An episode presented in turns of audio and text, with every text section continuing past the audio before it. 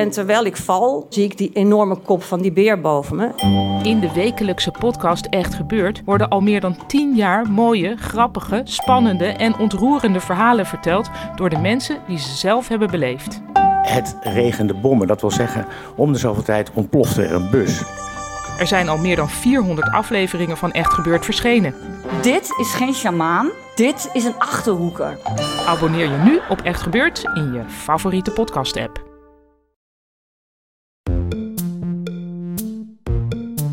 Fijn dat je luistert naar Boeken FM, de literaire podcast van de Groene Amsterdammer en Das Mag. Wil je nooit meer een aflevering van ons missen? Neem dan een abonnement op ons in jouw podcast-app. Zo ben je als eerste op de hoogte als wij weer wat nieuws te vertellen hebben. Wij doen ook vreugdedansjes als we een mooie recensie of gouden sterren van jullie krijgen in jouw podcast-app. En je helpt je medemens omdat wij dan ook beter zichtbaar zijn in hun podcast-apps. Zit je met een vraag of heb je opbouwende kritiek voor ons? Mail dan naar boekenfm.dasmag.nl. Die kinderen die krijgen op hun elfte allemaal een hormoonmonster. Ja, Dat is dus een soort, alleen zij kunnen zien. die alleen, Ja. een soort, soort Jaapje Krekel, maar dan Ja. met heel veel slechte invloed. Die zegt, nu moet je gaan aftrekken. Ja, nu gewoon moet je gaan zoenen. jack off, let's jack Ja, off. let's off. en eh, de, de, de ene persoon heeft een geslaagde hormoonmonster en de andere persoon... Oh, de ja, eentje ja. heeft echt een ontzettend bejaard krakemeer van... What are you gonna do? En de, Gaan we beginnen? We hebben er zin in volgens mij. Welkom bij deze... Shit, wat is het ook weer? Het is dus een Small talk. small ja, small talk. Speciaal voor de kerst. Een kerstspecial. Dat leek ons leuk.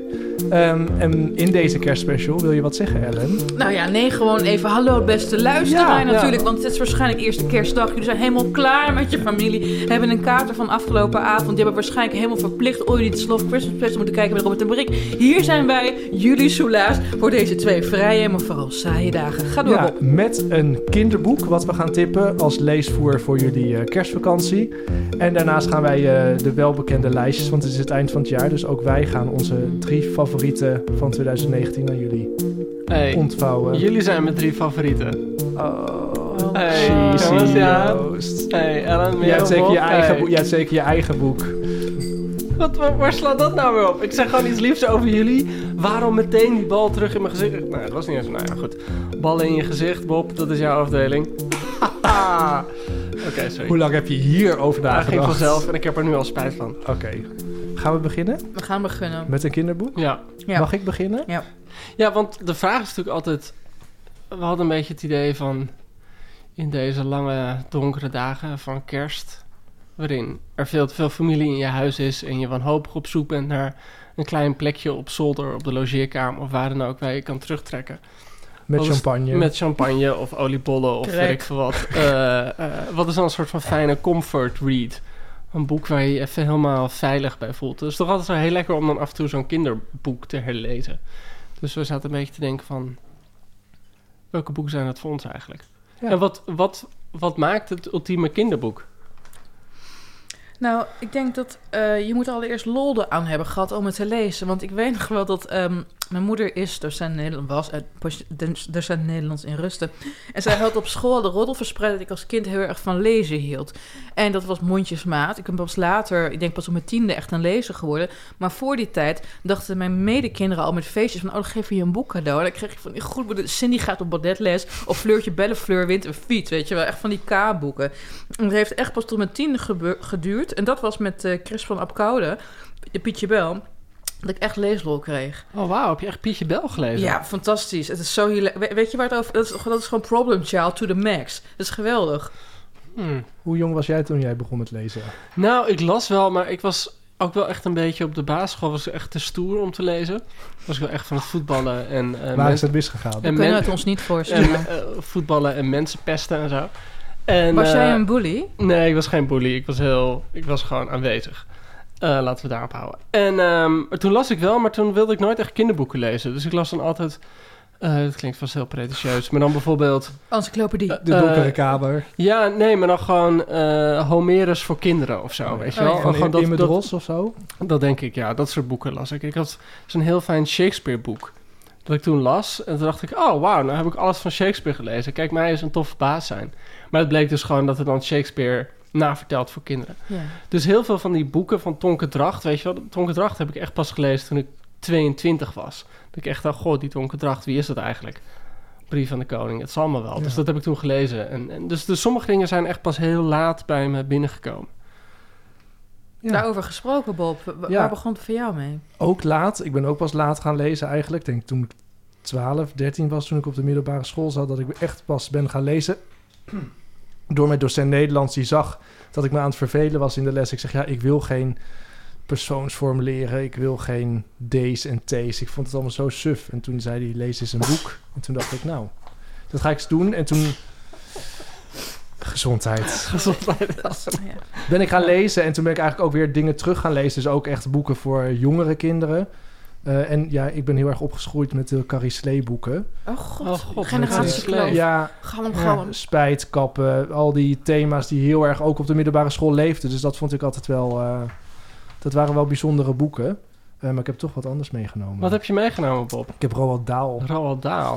De Griezels. Ja, als ik dat als Mm. kind had gelezen, dan was ik toen al begonnen, denk ik. Ja? Maar ik vind het zo leuk. En ik, eh, hij ligt vaak op Wat is het verhaal ook weer van de griezels? Ja, het zijn twee hele lelijke, vieze, Oude, oude, gemene. gemene, valse, vieze vooral, eh, stinkende mensen. Een echtpaar. En die hebben er eigenlijk de kunst van gemaakt om elkaar het leven zuur te maken. Eh, en hoe Roald Dahl dat beschrijft, dat vind ik echt hilarisch. Het zijn eigenlijk korte verhaaltjes. Eh, het ligt vaak op mijn nachtkastje en dan lees ik voor het slapen gaan nog even een stukje uit de griezels. En dan Wat mij bijstaat aan de griezels is een scène, ik heb het namelijk ooit wel ooit gelezen. Dat hij dan de hele tijd... Meneer Griezel gaat dan... Wat doet hij? Hij doet iets met haar wandelstok of zo. Hij En wil dat zij gaat geloven dat ze kleiner aan het worden is. Dat Ja. ze krimpt. Dus hij lijmt elke dag een heel klein stukje hout onder die wandelstok. Terwijl die wandelstok dus groeit. En ook met ander meubilair doet hij dat, geloof ik. Ja, en, eh, en, zij, is- eh, en hij stopt een eh, kikker in haar bed en eh, zij knoeit met zijn eten. En eh, ja, ik vind het... Een glazen oog zit dan op een gegeven moment in zijn bierglas. maar hoe Roald die mensen ook beschrijft aan het begin... Noem je dat nou gewoon ik- Roald? Gewoon first name basis? Ja, ik wel. Oh, ik mag jeetje, dat. Oké, nou, Ja. respect. Hij heeft een leuk verhaal over een boekverkoper geschreven. Dat gaat over mij. Echt waar? Ja. Maar hoe beschrijft hij ze dan? Zal ik een stukje voorlezen gewoon? Yes. Ja. Ehm, mannen met baarden. Wat lopen er tegenwoordig toch veel mannen rond met haar op hun gezicht. Wanneer een man zijn hele gezicht dicht laat groeien, kun je niet meer zien hoe hij eruit ziet. Misschien doet hij het daar nou net om. Hij wil niet dat je het ziet. En dan is er nog het wasprobleem. Wanneer die behaarde mannen hun gezicht wassen, moet dat net zoveel werk zijn als voor jou en mij om ons, om ons haar op ons hoofd te wassen. Dus zou ik wel eens willen weten hoe vaak wassen die baardapen hun gezicht. Eén keer per week op zondag, net als wij ons haar, gebruiken ze shampoo en een haardroger. Wrijven ze haargroeimiddeltjes op hun gezicht tegen het kaal worden. Gaan ze naar de kapper om hun gezicht te laten bijknippen of doen ze het zelf met een nagelschaartje voor de badkamerspiegel. Ik weet het niet, maar als je nou weer eens zo'n baardaap ziet, waarschijnlijk meteen als je een voet buiten de deur zet, dan zul je misschien eens wat beter bekijken en je dit soort dingen afvragen. Meneer Griezel was zo'n baardaap. Zijn hele gezicht, behalve zijn voorhoofd, ogen en neus, was begroeid met een dikke bos haar. Zelfs uit zijn oren en neusgaten spoten walgelijke plukken haar. Wat ik zo leuk vind aan Roald is dat hij heel erg inzoomt op de uiterlijke positieve kenmerken en tekortkomingen van Ja. de medemensen. Dat natuurlijk ook in de heks. Dan beschrijft hij op een gegeven moment hoe je een heks kan herkennen, weet je wel. En dat, dat zie je dan. Ze, ze hebben, ze hebben hele onge- ze lopen een beetje ongemakkelijk, want ze hebben vierkante voeten. Dus die hebben ze in muiltjes gepropt. Ze krabben de hele tijd aan hun hoofd. En ook op deze manier. Ze hebben een pruik, toch? Ze hebben, een pruik, ze hebben kaal, ja. enorm, ze hebben blauwe spuug, dus ze likken de hele tijd aan hun kroontjespen. En hierbij ook, het, het wordt eigenlijk kosten nog moeite gespaard om tot in het Ja. smerigste detail te beschrijven. En wat zo leuk is aan die boeken, die zijn echt natuurlijk vast, eh, fascinerend eh, getekend door Quentin Blake. Ja. Dat is echt eh, fantastisch gedaan, waardoor het allemaal nog leuker wordt om, om te lezen en naar te kijken. En het smerige staat ook zo mooi centraal. Hebben, jullie, hebben jullie de reuzen gelezen, de GVR? Ja, De snorskommer, dat is een soort... ja, zoals Roy Donders eruit ziet, zo smaakt dat ding. Dat is echt afschuwelijk.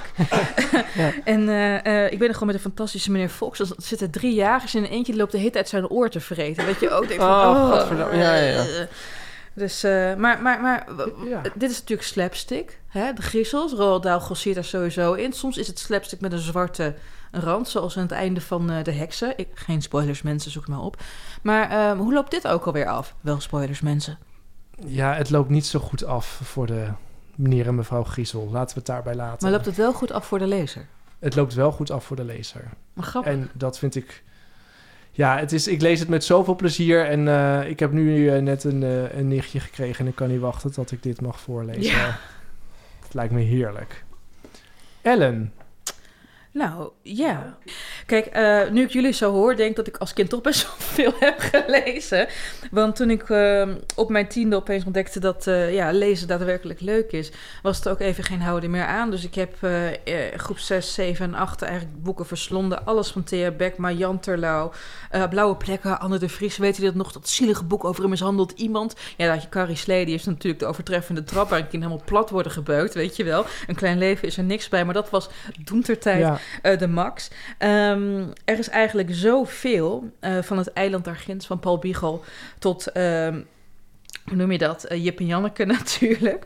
Maar ehm, ik bedenk nu, ik las ook eh, boeken ook zogenaamd voor volwassenen op die leeftijd. En dan niet Keudel, Eschebach, maar één boek, daar heb ik het hier al vaker over gehad. The Once and Future King van Terry Pratchett, wat eigenlijk een hele... T.H. White. Eh, God, jezus. Had Terry Pratchett dit maar geschreven? Nee, nee, nee, nee, nee. The Once and Future King heb ik het al vaak hier over gehad. Dus daar ga ik niet al te uitgebreid op in. Dat was voor mij, dat is echt jeugdsentiment. Las jij ook Terry Pratchett dan? Ja, zeker Oh, weten. Mijn broer was, die had Oh. echt al die Discworld boeken. En dan Dat- gingen ze altijd aan me navertellen. Oh my god, het is zo grappig. Het is zo stupide. Dan heb je op een gegeven moment heb je... eh, Ja, t- want het is een soort van nep-universum met een soort van magische tovenaars. En Ja, je hebt Rinswit, een ontzettend kneuzige tovenaar... die gewoon nergens voor deugt. En hij heeft een magisch object, een magische koffer, luggage... die iedereen aanvalt, weet je wel. Waarbij ook niet helemaal duidelijk is wat het nut is. En hij maakt het een na het andere stomme avontuur mee. En op een gegeven moment dan eh, ontmoet hij een jongen... een zekere Erik, die net zoals Faust zijn ziel aan de duivel verkoopt... ook zijn ziel verkoopt om zijn grootste wensen te laten uitkomen. En dan wenst hij bijvoorbeeld dat hij de echtgenoot mag worden van Helena van Troje. En dan zet hij terug naar Troje. Maar het is dan na die tien jaar dat Helena helemaal uitgezakt is... na het krijgen van allemaal kinderen van Perses. En ehm, dan heb je dat Rincewind, die loopt daar een beetje rond. Van, ah, is een mooie stad, Troje, weet je wel. En dan ziet hij dat paard voor de deur staan. En dan denkt hij van, hè, nou ja, oké, raar. Het is een beetje warm vanavond. Zet hij de achterpoort open, kan het een beetje doorbaaien. Het, het, het gaat zomaar door. Het is ontzettend vindingrijk. En dat maakt, kijk, weet je, als kind moet je allereerst weten dat lezen leuk is. ja, Dan- ik, ik weet nog, als ik, als ik van Terry Pratchett, dat ik dan... Hij had een omgeving, ik een geweldige uitvinding, hadden ze dwergenbrood. Ja. En als je dwergenbrood had, dan verhongerde je nooit. Want het was namelijk zo ontzettend goor... dat je altijd wel iets anders verzon dat je liever wilde eten. Dus je schoenzolen of een steen of zo. ja. Ja. Ja, en, en, en eh, wat ook heel leuk is, de dood heeft een vrij eh, prominente eh, rol. En dan krijgt hij op een gegeven moment krijgt hij een hele onhandige stagiair, waardoor niemand meer doodgaat en zo. Het is echt Ja, Terry Pratchett, volgens mij is hij, hij is net overleden, toch? een paar jaar geleden, ja. En hij had dus heel goed dat hij als persoonsbeschrijving was dan heel lang, ja, ik weet niet meer in welk jaar hij geboren was, maar er stond dan altijd Terry Pratchett was born in 19 something something and is still not dead. ja. Het is ook een fun fact, de boeken van Terry Pratchett zijn zo populair in Engeland nog steeds, dat elke minuut er een, boek wordt gestolen uit de Ja. winkel van Terry Pratchett. Discworld heette die serie. Discworld, het is echt heel grappig. Maar weet je, ehm, dat is eigenlijk... Kijk, ik, ik heb het hier al een treuren over de Once and Future King gehad. Eh Terry Pratchett leerde mij dat lezen echt heel leuk zou zijn. En weet je, die man die gebruikte ook technieken. Je hebt voetnoten in die boeken. Nou, daar kan de, grote winkler Prins nog wat van opsteken. Het gaat maar door.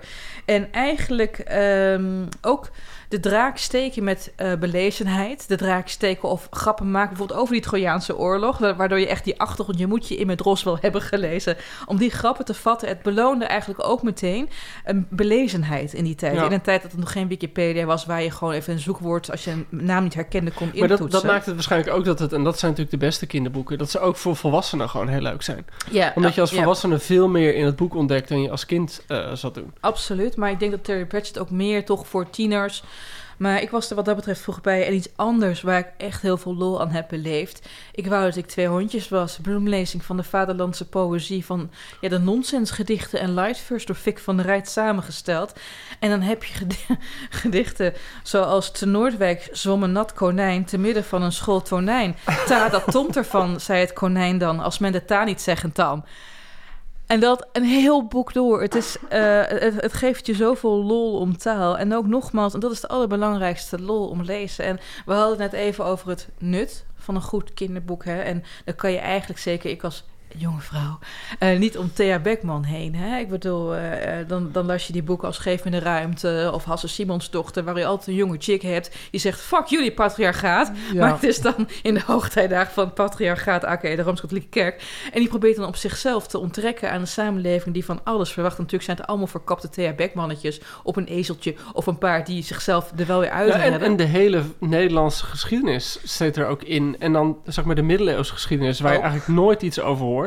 Eh, ik bedoel, de Nederlandse geschiedenis lijkt altijd zeg maar, te beginnen met zeg maar, de Gouden Eeuw.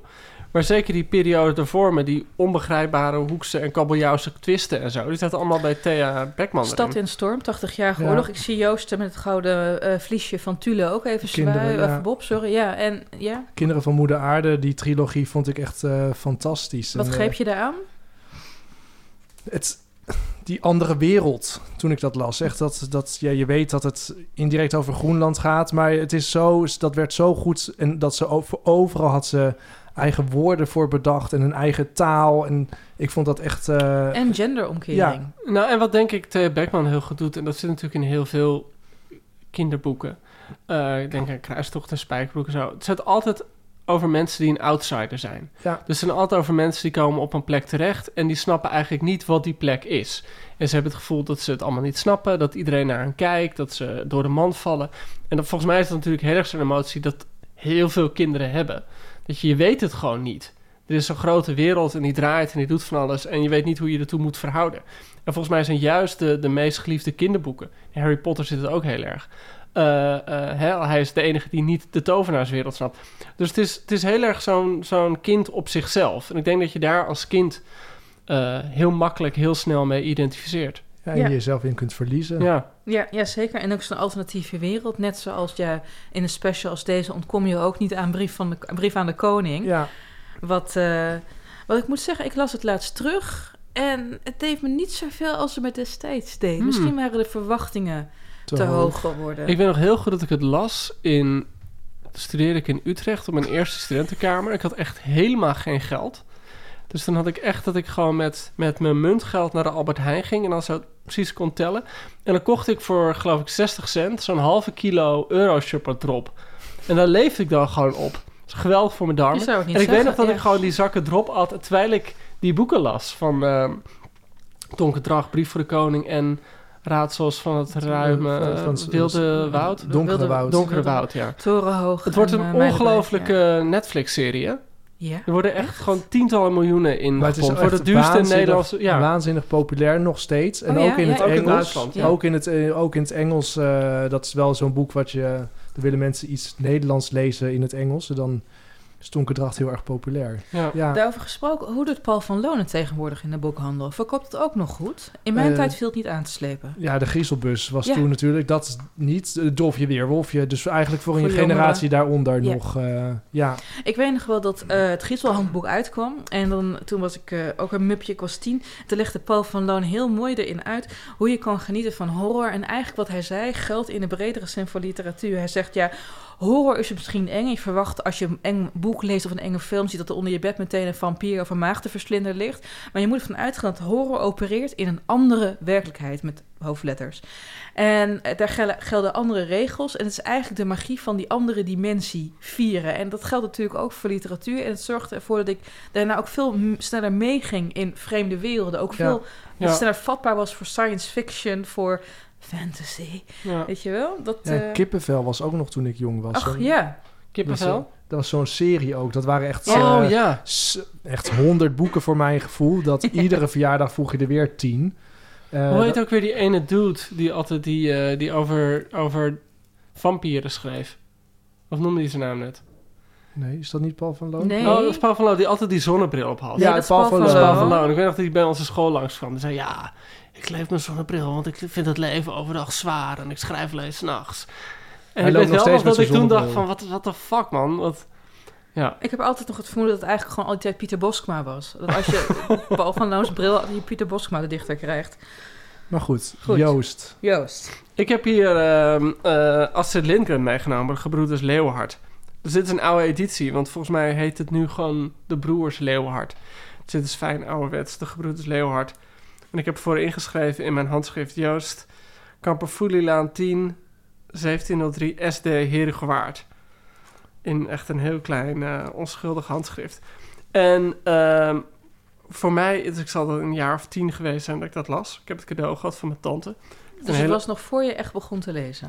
Ja, en toen begon ik er een beetje mee. En ik had een tante, of die heb ik nog steeds, Gea. En dat was echt zo'n hele klassieke suikertante... die dan eens in de maand of eens in de twee maanden... voor mij en mijn broer een boek uitzocht.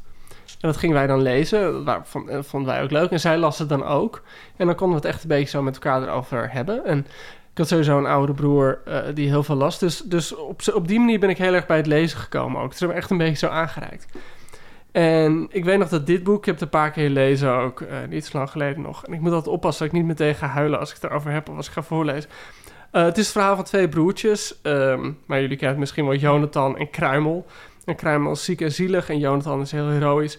En in het tweede hoofdstuk gaan ze dood. Jonathan komt om bij een brand, terwijl hij Kruimel redt en Kruimel bezwijkt gewoon aan zijn ziekte. En dan komen ze in een hiernamaals terecht, een soort ridderwereld. Ehm, en daar is een kwade kracht aan het werk. En ze denken van, hé, hey, we zijn hiernamaals, daar moet alles goed zijn. Maar in plaats daarvan is er een soort van kwade bezetter en moeten ze die gaan verslaan. En ehm, eh, ja, ik weet niet, op, op alles aan dat boek raakte me gewoon helemaal. Er zijn hele mooie tekeningen in. Eh, wat ik altijd heel mooi vind, is dat dan Jonathan doodgaat. Jonathan is doodgegaan bij de brand. En eh, Jonathan heeft op Kruimel, aan Kruimel verteld dat, hij, eh, dat, het, dat ze op hem wachten. Het heet Nanjala. Een soort toverland. En Jonathan is al dood en dan schrijft Kruimel... Jonathan woont daar nu al twee maanden alleen. Al twee lange, afschuwelijke maanden heb ik hem moeten missen. Maar nu kom ik ook gauw naar Nanjala. Ik kan er nu elk moment naartoe vliegen. Misschien vannacht al wel. Het voelt net alsof het vannacht zou kunnen gebeuren. Ik zal een briefje voor mama op de keukentafel neerleggen. Dat vindt ze morgen wel als ze wakker wordt. Dit komt erop te staan. Niet huilen, mama. Tot ziens in Nanjala. Het is gewoon zo lief. Het is gewoon allemaal zo lief in het hele boek. En wat ik er fascinerend aan vond... Hoe, weet hij dat het Nanjala is? dat heeft Jonathan hem verteld. In een droom dus. Nee, ja, nee die Ja. heeft hem dat gewoon daarvoor verteld. Van, hey, ja, want Kruimel is heel erg ziek. En hij heeft gewoon Ja. tegen hem gezegd... Als je doodgaat, eh, als iets gebeurt... dan gaan we gewoon verder leven in Nanjala. Hmm. En, ehm, nou, dus kwamen ze daar terecht. Beleven ze allemaal te gekke avontuur. Hebben jullie toevallig de verfilming gezien? Oh, helaas wel. Nee. Het is echt zo'n zo'n Zweedse verfilming... waar je alleen maar van die kindertjes in, blo- in hun blote, Die blote piemeltjes... reet, ja. Dat herinner ik ook heel gaan. sterk. Ja, Zo ja, heel ja. erg jaren Ja, het, zeventig. is, het is echt niet legaal. Het zou niet, niet, niet nee, legaal dat zou je nu echt gewoon niet meer... Dat, Nee. zou het niet meer kunnen. En, eh, maar wat ik daar, wat me altijd bijgebleven is, en, en dat vind ik er echt zo'n heel mooi concept aan, is dat eh, er is dus een soort van kwade krijgsheer daar en die gaat ze dan verslaan. Die heeft een, een eh, draak en uit die draak komen giftige walmen. En het eindigt ermee dat ze doodgaan in het hiernamaals. Ze komen gewoon in die giftige dam terecht. Ze verslaan wel die krijgsheer. En vervolgens liggen ze daar te sterven. En zegt Jonathan van ja, maar Kruimel, je hoeft niet bang te zijn. Want we gaan gewoon eh, naar, het nieuwe, naar de volgende plek. En dat vind ik zo'n heel mooi idee. Ik bedoel, het idee van een hiernamaals waar je terechtkomt en weet je wel, iedereen draagt pastelkleren Mm. en de internetverbinding is perfect en de, de koffie is altijd lekker en zo. Waar je eeuwig niks doet en er geen enkele spanningsboog is. Dat is natuurlijk heel vreselijk. Het idee wat het leven waarde geeft is dat het ophoudt. En hier vind ik het zo'n mooi idee dat ook als je naar het hiernamaals gaat, dat je daar weer gewoon dood kan gaan. Dat er weer een nieuw hiernamaals is en dan weer een nieuw hiernamaals. Dus eigenlijk reïncarnatie over meerdere dimensies Ja, verdeeld. eigenlijk totaal. Dat Ja, je echt denkt van, ja. god, dat is wel voor mij de mooiste, eh, de mooiste vorm van ehm, leven na de dood, denk ik. Echt? Ja, Moet er niet aan denken. wat, leven na de dood. Gewoon klaar is klaar, toch? Dat is toch... Ik vind dat wel een geruststelling Dus het zou eigenlijk. fijn zijn. Het zou, nou maar goed, nogmaals, dat, je- je bent niet bang voor de dood als je gezond bent. Maar dat het een einde van aan alle angst zou ik wel heel leuk vinden. En stress en gedoe. Goed, Ja, gezellig, het, ja, jongens. gezellig. Ja, kerst, kerst is is. kerst. ik Luister, wil gewoon lekker het luister. hiernamaals gewoon draken verslaan. Dat, ik bedoel, ik vind het wel jammer dat ik dat nu niet kan doen. Eh, maar goed.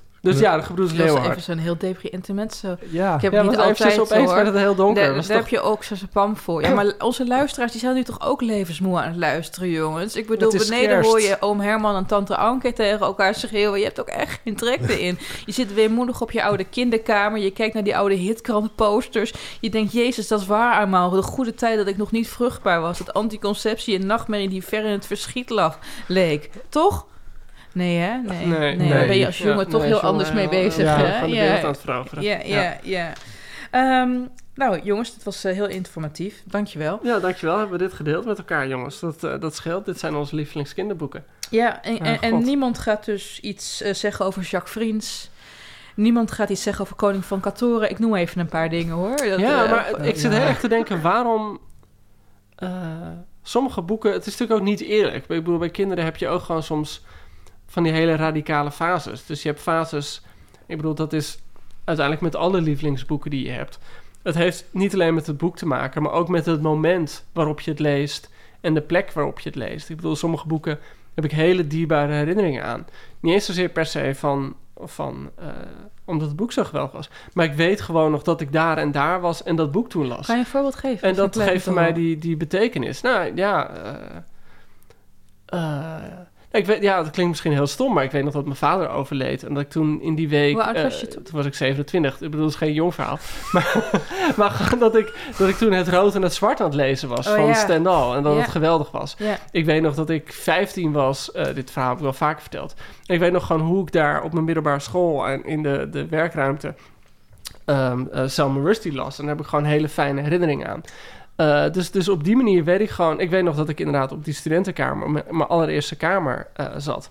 En inderdaad Umberto Eco las en Tonke Dracht. En dat zijn van die boeken die voelen voor mij Goeie aan combi. van... Dat was een tijd dat ik gewoon eindeloos de tijd had voor alles. En niks hoefde. En ik Mm. bedoel, dan wil ik ook niet depressief gaan worden. Dat ben ik ook helemaal niet. Maar dat was gewoon een moment dat je echt je leven begon... en je had geen enkele verplichtingen. ja, ja, die tijd heb je. En de tijd is ook ingedikt in die periode. Ja, Ik weet nog wel, je had dus eh, vroeger, ja, dat is voor, voor, voor Joost en mij vroeger, Bob. Toen was jij nog vloeibaar. Toen had je de serie Robin of Sherwood met fantastische Oh, muziek van Planet. oh mijn god. Klaarkom, klaarkom. Robin. Doe de man. We hadden ook die, die Mie, muziek mie, hadden we ook op eh, cd. Wij ook. Ja, oh, Planet. Als je, dit, als je dit luistert, gaat nu op YouTube. Planet, past, ja, present. heel erg nieuw age. Greatest hits.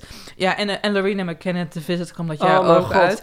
En toen was ik... Hebben wij dezelfde moeder, of niet? ja, ik denk het wel. Daarom zijn we ook zo aantrekkelijk. Heb je ook de, de nevelen van Avalon en zo? Ja, Oh, dat, wou, dat weet je toch Ja. ook? Dat heb ik toch ja, wel we verteld, gehad. Ja, ja. Ik was dus tien jaar en zette die, dus die eh, Celtic Mist, maar toen bestond het nog niet eens. Het was zelfs nog voor Celtic Mist bestond, maar er was wel Celtic Mist. En zat ik lekker op mijn kamer, inderdaad heel veel snoep weg te kauwen, dat je die suikerrush hebt. Ja, ja. En Bevelo van Avalon, rode oortjes, hoor, er werd wat afgetrampelamd daar in het boek. Dus, eh, en ook de... ehm, Ik heb, dus, Hm? ik heb dus de enorme fout gegaan door een paar jaar geleden eh, Robin en Sherwood terug te kijken. Ik kwam het op DVD ergens ja, ik tegen. heb het ook gekocht. Oh mijn god. Dus, En dat was toen op dat moment echt de beste serie die ik kon... Zo heel mystiek Hearn over Robin Hood, soort Hearn van- the Hunter. Een soort duivel, Ja, een soort, soort druïde was dat. Met een, de kop van een... Van een. Bob kijkt ons heel gek, gek aan. Ja. Geen en, idee. ehm, eh, dat was gewoon de meest sensationele ridderserie die je kon bedenken. People went ape shit. Die, die mensen Ja. die konden niet meer over straat in Engeland. Nee, en als je dat nu ziet...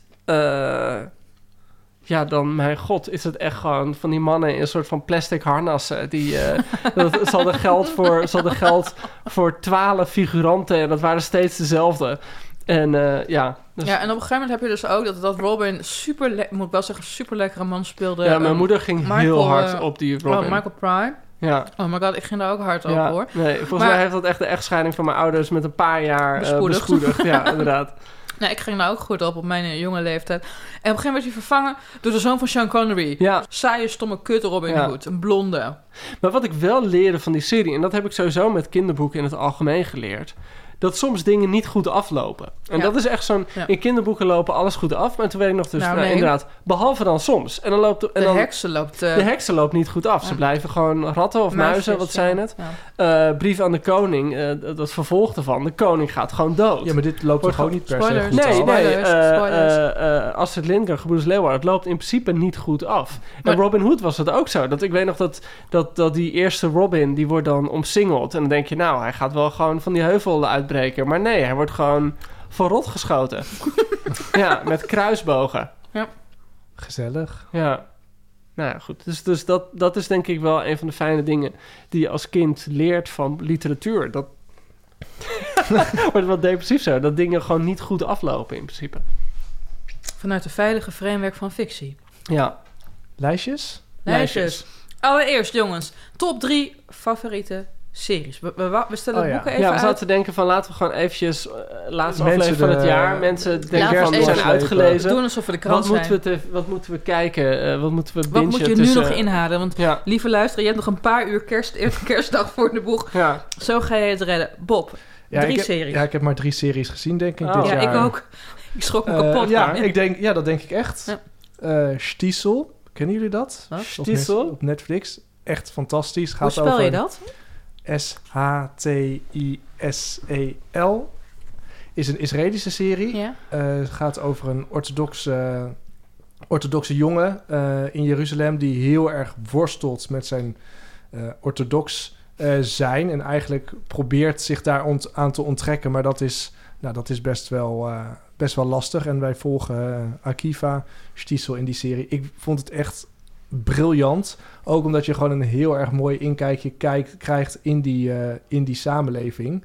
Eh, met alle Israëlische topacteurs eh, die eh, daarin rollen vertolken. Eh, dus die. Je kent ze wel, de Israëlische topacteurs. Ja, welke dat? nou ja, ik kan nu, ja, ja, ik kan nu Ja. geen namen noemen, maar het is... Het is Leon, eh, Leon de Winter in uh. Dus Ja, dat is tip 1 van jou. Ja. Tip 2, Bob. seizoen 3 van The Crown. The Ja. Crown. Ja, ik, vond dit, ik vind dit wel echt het beste seizoen. Nee. Nee, ben ik niet Nee, met je eens. niet met je eens. Bob. Je bent af. Nee. Nou, oké, doei. En wat was nummer 3? We nemen het nu niet meer serieus. maar- Dairy Girls. Dat kun je ja, ook niet ik heb van heel veel mensen gehoord dat het Dairy geweldig Girls? En waarom? Het is Iers. Eh, het gaat over eh, eh, vier vriendinnen en een vriend die eh, op een eh, katholieke meisjesschool eh, zitten.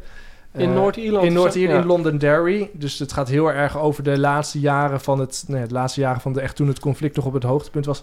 Het is zo hilarisch. Ik Ja? heb echt... Ja, het zijn afleveringen van 20 minuten, dus je bent er zo Zwarte doorheen. humor, want eerst. Ja, het is, het is zwart humor. Het is, ja, het is gewoon heerlijke televisie. En ik kan niet wachten tot seizoen 3 er is. Oké, oké. Dus dat was jouw top Ja. 3. Joost. Elle, oh, Joost. Oh Ja. ja, ehm, ik, ik, opeens heb ik nu een totale blackout. En denk ik, oh god, wat vond ik ook weer geweldig. Zal maar ik hem even doen anders? doe jij hem even. Ja, oké. Bij mij The Crown seizoen 3. Maar ik heb maar drie, drie series gevolgd dit jaar. Oké, dus dat is Game, of, Eigenlijk Game drie- of Thrones, The Crown en... Nee, eh, dat Game of Thrones... eh, sorry, dat neem ik Ja. eens serieus. Eh, nee, maar The Crown, maar vooral vanwege het acteerspel. Eh, ik vond niet eens Olivia Colman zo interessant. Ik vond eh, de bijrollen, dus eh, eh, Helena Bonham Carter als eh, Prins Margaret... eh, de actrice die eh, Lady Anne speelt. eh, Prins Charles, ontzettend mooi neergezet. Ik vond wel dat dit seizoen alles er te dik bovenop lag, weet je wel. De, de, de, de eenheid per aflevering, Ja. het overkoepelende, maar het spel... En Die premier vond ik echt, die eerste naoorlogs Vond ik premier heel Johnson, ontroerend. vond ik echt een hele, die werd ook echt goed geacteerd. Ja, ja, ja, ja. Maar, maar The Crown. eh, twee, eh, Sex Education. Maar Oh, dat ja. zal ik niet de enige Nederlander zijn. Dat was natuurlijk eh, ontzettend grappig en heel, heel Lief. herkenbaar. Heel lief. En menselijk en mooi en warm, ja. En op nummer drie, een tekenfilm op Netflix te zien. Big Mouth. Hebben jullie ervan gehoord? Ja, ik heb het Ja. gekeken inderdaad. Echt waar? Ja. Wat vond je Ik ervan? vond het hilarisch. Ik vind het zo grappig. Ja, ik zie Ik Merel ook grappig helemaal idee. knikken. Voor de luisteraar die nu echt denkt van wat is Big Mouth? ja. tekenfilmserie eh, ge- opgezet door een aantal Amerikaanse cabaretiers die de jongere versie van zichzelf in die serie spelen, waarbij ze in een brugklas komen en alles komt aan bod. Op een gegeven moment heb je één jongen in de aflevering... die krijgt een stijf als hij naar een foto van The Rock kijkt. En dan denkt hij de hele aflevering dat hij gay is... maar dan blijft uiteindelijk dat elke jongen... of je nou hetero, bi of eh, nog uh, vraagteken bent... stijf van The Rock krijgt. Die kinderen die krijgen op hun elfte allemaal een hormoonmonster. Dat ja, is soort, alleen zij kunnen zien. die alleen, Ja. een soort, soort Jaapje Krekel... maar dan Ja. met heel veel slechte invloed. Die zegt, nu moet je gaan aftrekken. Ja, nu moet je gaan zoenen. jack let's jack off. Let's jerk off. en eh, de, de, de ene persoon heeft een geslaagde hormoonmonster... en de andere persoon... Oh, ja, eentje ja. heeft echt een ontzettend bejaard krakemeer van... What are you gonna do? En de zijwegen in de serie... Het is een hele lieve serie. Het is scherp en de zijwegen zijn dan grappig. Want je hebt bijvoorbeeld eh, in het huis van de hoofdpersoon Nick... is op zolder spookt er een geest. Wat blijkt? Duke Ellington, weet je wel? De, de jazzgrootheid is overleden in dat huis decennia geleden. Waardoor er ook een hele aflevering gaat over Duke Ellington... waarbij hij aan de jongens...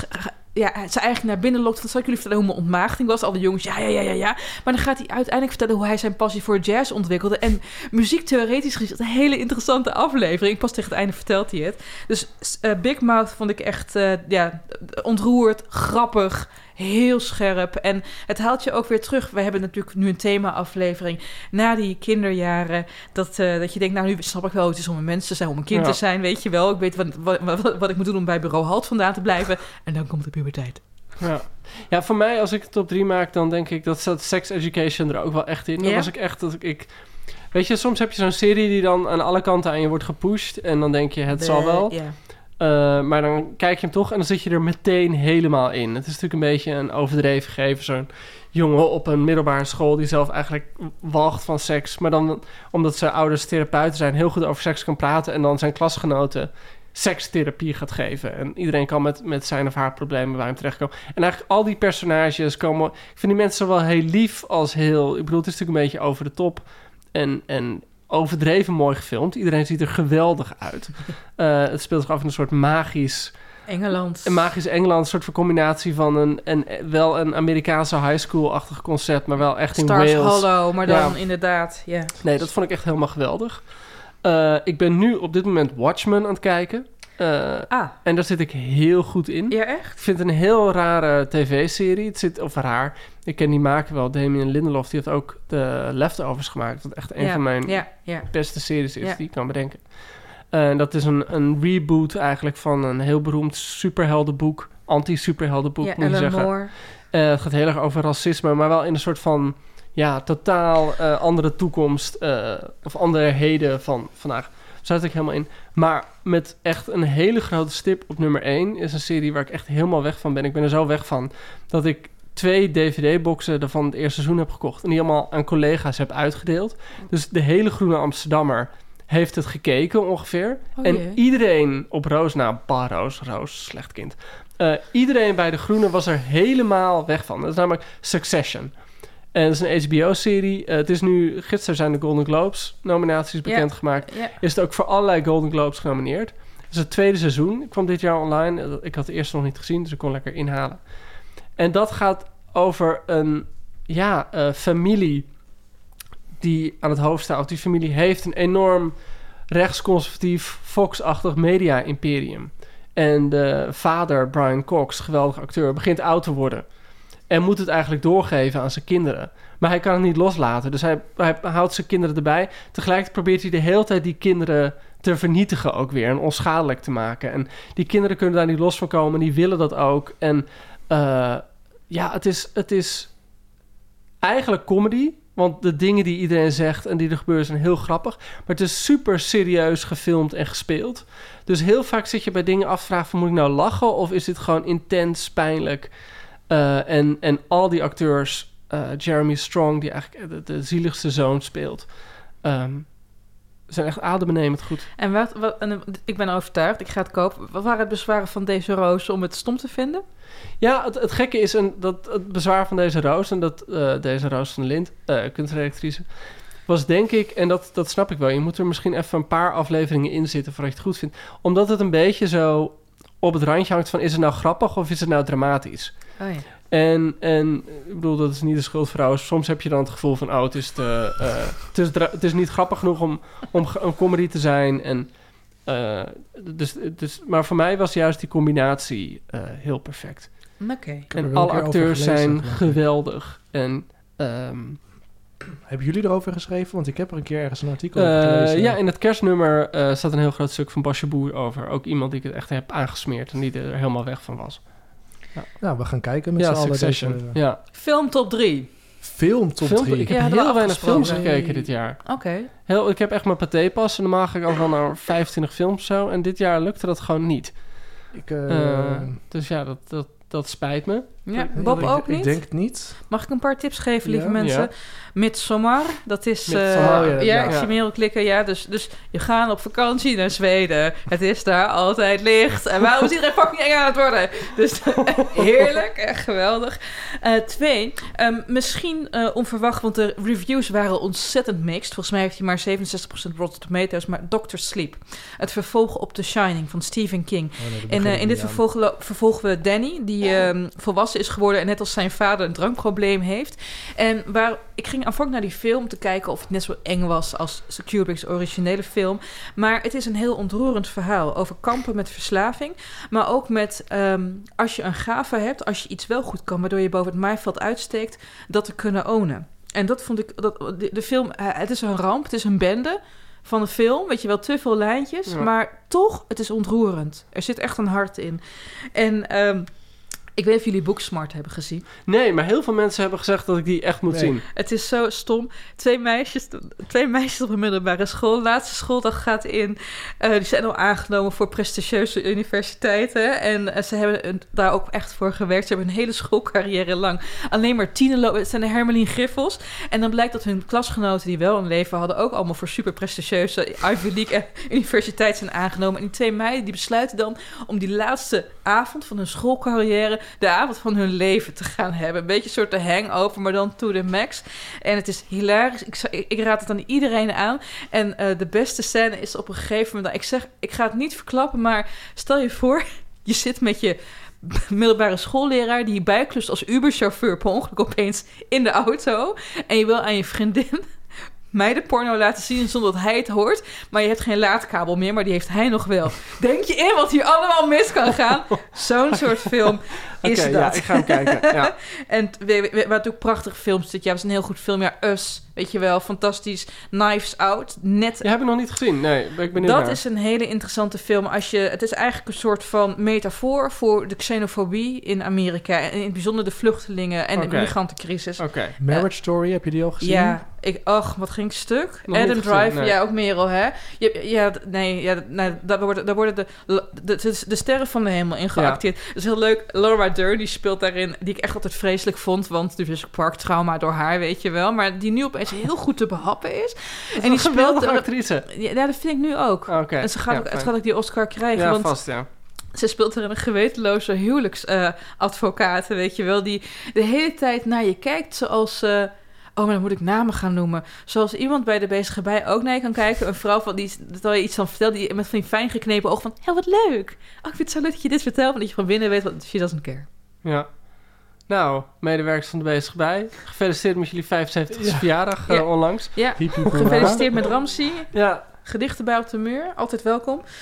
Jongens, Gaan we het doen? Gaan we het doen. Oh jongens, we moeten het doen. Bob eerst. Nee, jij mag nu eerst. Jij bent Waarom nog mag niet ik eerst Ik heb net het woord geweest, man. Drie. Moet het op volgorde? Nee. Want dat vind ik lastig. Nee, ik heb ook geen... Dus we gaan nu naar de top 3, de literaire top 3. Nee, maar hebben jullie echt een top 3? Want ik heb gewoon drie boeken die ik echt heel erg Ja. uit vond springen. Is dit het Ja. moment dat we al moeten zeggen dat de top 1 van volgend jaar al vaststaat? Dat het namelijk Ja. Peter Buurman, Buurman. is.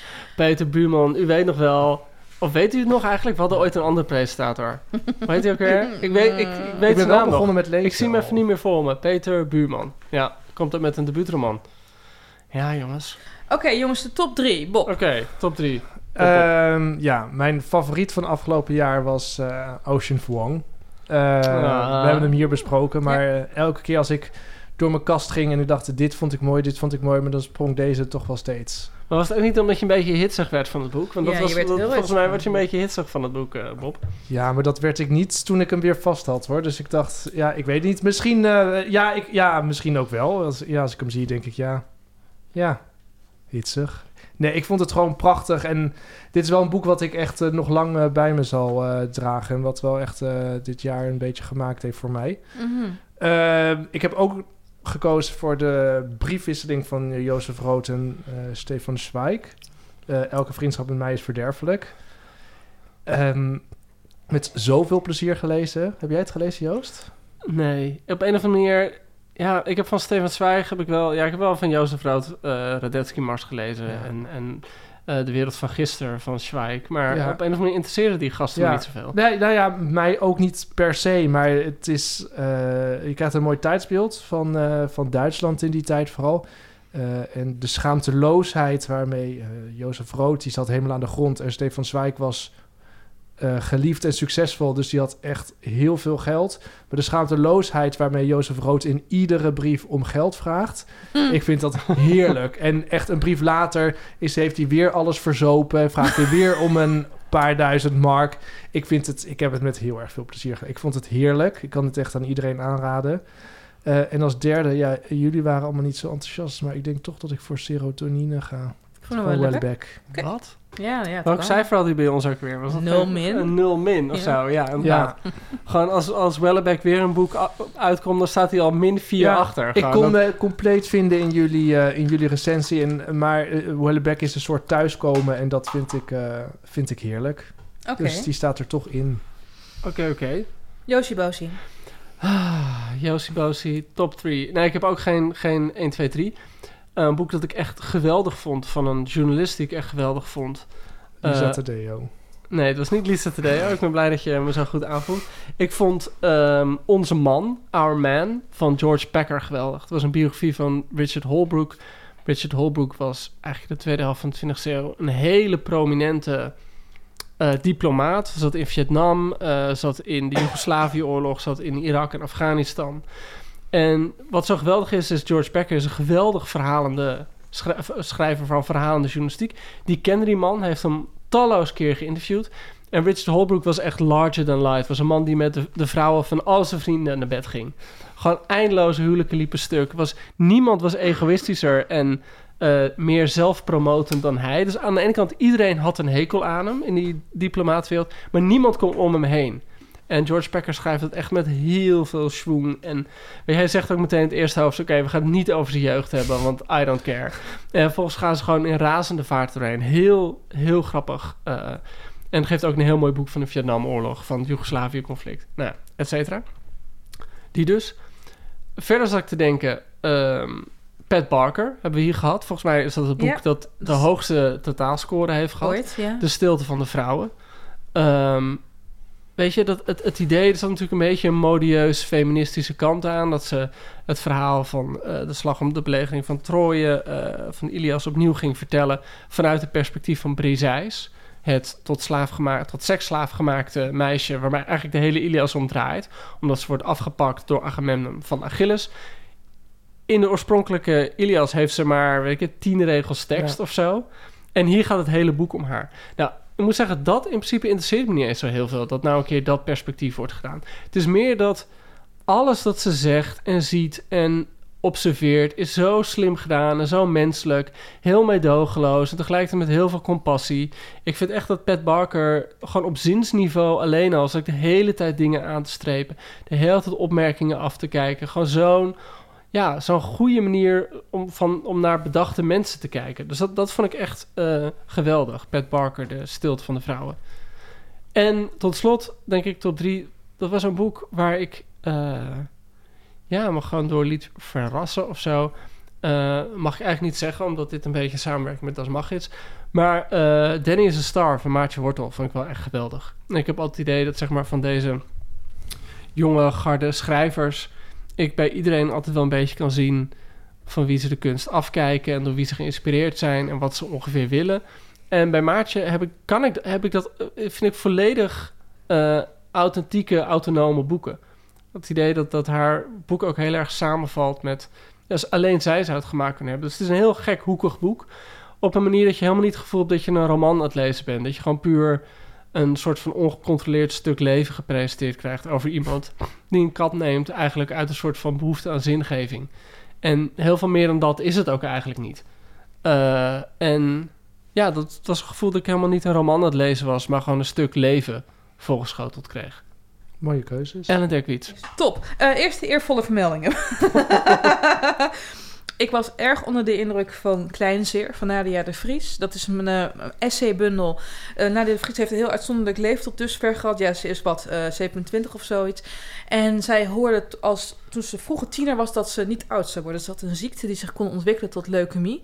En zij is daardoor eigenlijk um, een aantal jaren van haar jeugd kwijt. Uh, want ze lag gewoon lekker op de bank ziek te zijn. Vond ze ook prima. Ze wist dat elk moment voorbij kon zijn. Dus een beetje tv kijken. Ze deed ook gewoon VMBO. Was een heel slim meisje. Maar ze dacht, ja, ik hoef toch geen baan later. Want ik ben voortijdig dood. En dan hoort ze op haar 14 en 15 dat ze genezen verklaard is. En dan denkt ze van, kakzooi.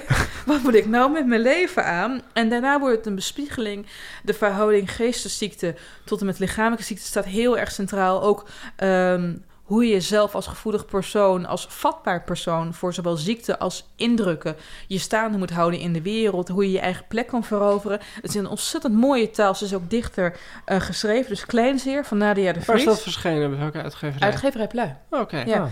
Tweede eervolle vermelding is uh, De Wateraap. Had ik het vorige aflevering al over, maar dat vond ik, vind ik een fantastisch debuut. Misschien wel de beste Nederlandstalige debuut waar ik uh, dit jaar in mogen hebben lezen. Dus uh, dat, is, dat is nummer twee. dan gaan we naar nummer drie, eervolle vermelding, want het is eigenlijk mijn lievelingsboek van het jaar. Ik mag alleen niet zeggen welk boek dat is, omdat we een contract hebben getekend. Ja, we, we worden gaan doodgeschoten. We worden echt ja, doodgeschoten. En niet maar, alleen wij, ook gewoon onze familieleden ja. en zo. Maar ja. daar kunnen we zonder. maar wij zijn wel belangrijker. Dat, maar uh, lieve luisteraar, ik zal het um, komend jaar in de tweede aflevering verklappen uh, welk boek dit is. Maar wij hebben een boek gelezen en dat was... Dat is, dat is het uh, einddeel van een serie. Meer zeg ik niet. Wij zijn de eerste, wij zijn de eerste uh, in de wereld die het hebben gelezen. Ik vond het fantastisch. Het is een waardig slot. Meer daarover in latere afleveringen. Top! Mijn lievelingsboeken van het jaar. In Dit waren je honorable mentions. Honorary mentions. Okay. Um, lievelingsboeken van het jaar. Uh, willekeurige volgorde Kamers Antikamers uh, van Ninja Weijers. Ook nog over getwijfeld. Sleept, ja. Sleepte me enorm mee. De moed, de twijfel, de... Uh, het is zo'n ander boek dan de consequenties. Dat, dat debuut waar ze om dood geknuffeld is. Kamers, antikamers. Het is erudiet. Het, uh, het, het durft het niet te weten. En dat vind ik heel erg knap. Tweede lievelingsboek van het jaar. Uh, Vallen is als vliegen. Van een. Ja, ja uh, terug van weg geweest. Terug van weg geweest. Uh, urgent boek. Een heel bijzonder boek. Heel ja. bijzonder boek. Um, beeldrijk, barokke taal. Uh, het, het, stelt vragen over daderschap en slachtofferschap. Eigenlijk in een land waarin steeds meer zaken van kindermisbruik naar boven komen. Snap, dit moet gewoon verplicht als verplicht ja, leesboek echt worden. oncompromisloos literair geschreven. Ja, ja dus waarom staat het eigenlijk niet ja. in juli? Ja. Top 3. Wil je daar een echt antwoord op? Ja, Voor mij was het meer het gevoel dat het een boek was dat ik uh, meer een boek om te bewonderen dan een boek om van te houden. Omdat het zo rauw is. Ja, omdat, het, omdat ja? het op een bepaalde manier zo literair spel is. Um, ja, maar ik bedoel, ik bewonder het ook hoor. Ik bedoel daar niet van. Uh, maar gewoon niet per se als liefdesobject. Maar nee, echt gewoon heel bijzonder dat iemand. Weet je, kan van zo'n verhaal als dit, zo'n misbruikverhaal, natuurlijk ook een heel sentimenteel, uh, commercieel verhaal maken. En dat, dat gaat zij totaal uit de weg. Ja. Ja, en ja. laat heel mooi zien hoe dubbel uh, angst en liefde in elkaar overloopt. Ja. ja, en ik heb voor boeken gekozen die ik ook wel zou willen herlezen. En dit, dat boek heeft best zoveel indruk gemaakt dat ik denk dat voorlopig even niet. Oh, dat komt, ja. Uh, ja, ik vond het ja, bijzonder. Ja, zeker, zeker. En wat ik ook heel bijzonder vond, is mijn laatste uh, uh, Eigen Kamers. Een dichtbundel van Esmee van der Boom. Een debuut uitgekomen bij uitgeverij Passage. En dat, uh, zij, de, de, bundel kent een hele bijzondere aanloop. Groningse dichteres. En die ging vrouwen interviewen over wat hun dromen waren. Wat wilden ze vroeger bereiken? Wat hebben ze bereikt? Wat verwachten ze in het leven? Hoe is het om een vrouw te zijn? En daar heeft ze eigenlijk een vrij meedogenloos dichtbundel uit samengesteld. Waarin uh, dromen in duigen vallen, dromen uitkomen, maar het ook verschrikkelijk is. En het eindigt met één groot heksen vreugdevuur. Was ik erg van onder de indruk. Oké. Okay. Nice.